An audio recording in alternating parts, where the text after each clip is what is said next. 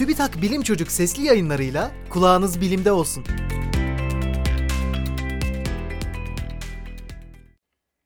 Yapay zeka gittikçe daha fazla enerji tüketiyor. Yapay zeka artık pek çok alanda karşımıza çıkıyor. Bilgiyi toplayarak analiz eden, değerlendiren ve makine öğrenmesiyle sürekli gelişen yapay zekaya sahip sistemler çok fazla veriyle çalışıyor. Verileri işlemek, depolamak ve sıkıştırmak amacıyla da on binlerce çip bulunan dev veri merkezleri kullanılıyor. Bu oldukça büyük karbon ayak izine sahip bir süreç.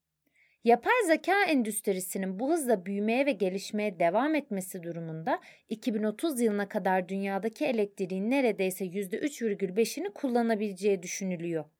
Ayrıca bu endüstrinin tüm çevresel etkilerinin hesaplanabilmesi için bu konuda daha kapsamlı çalışmalar yapılması gerekiyor.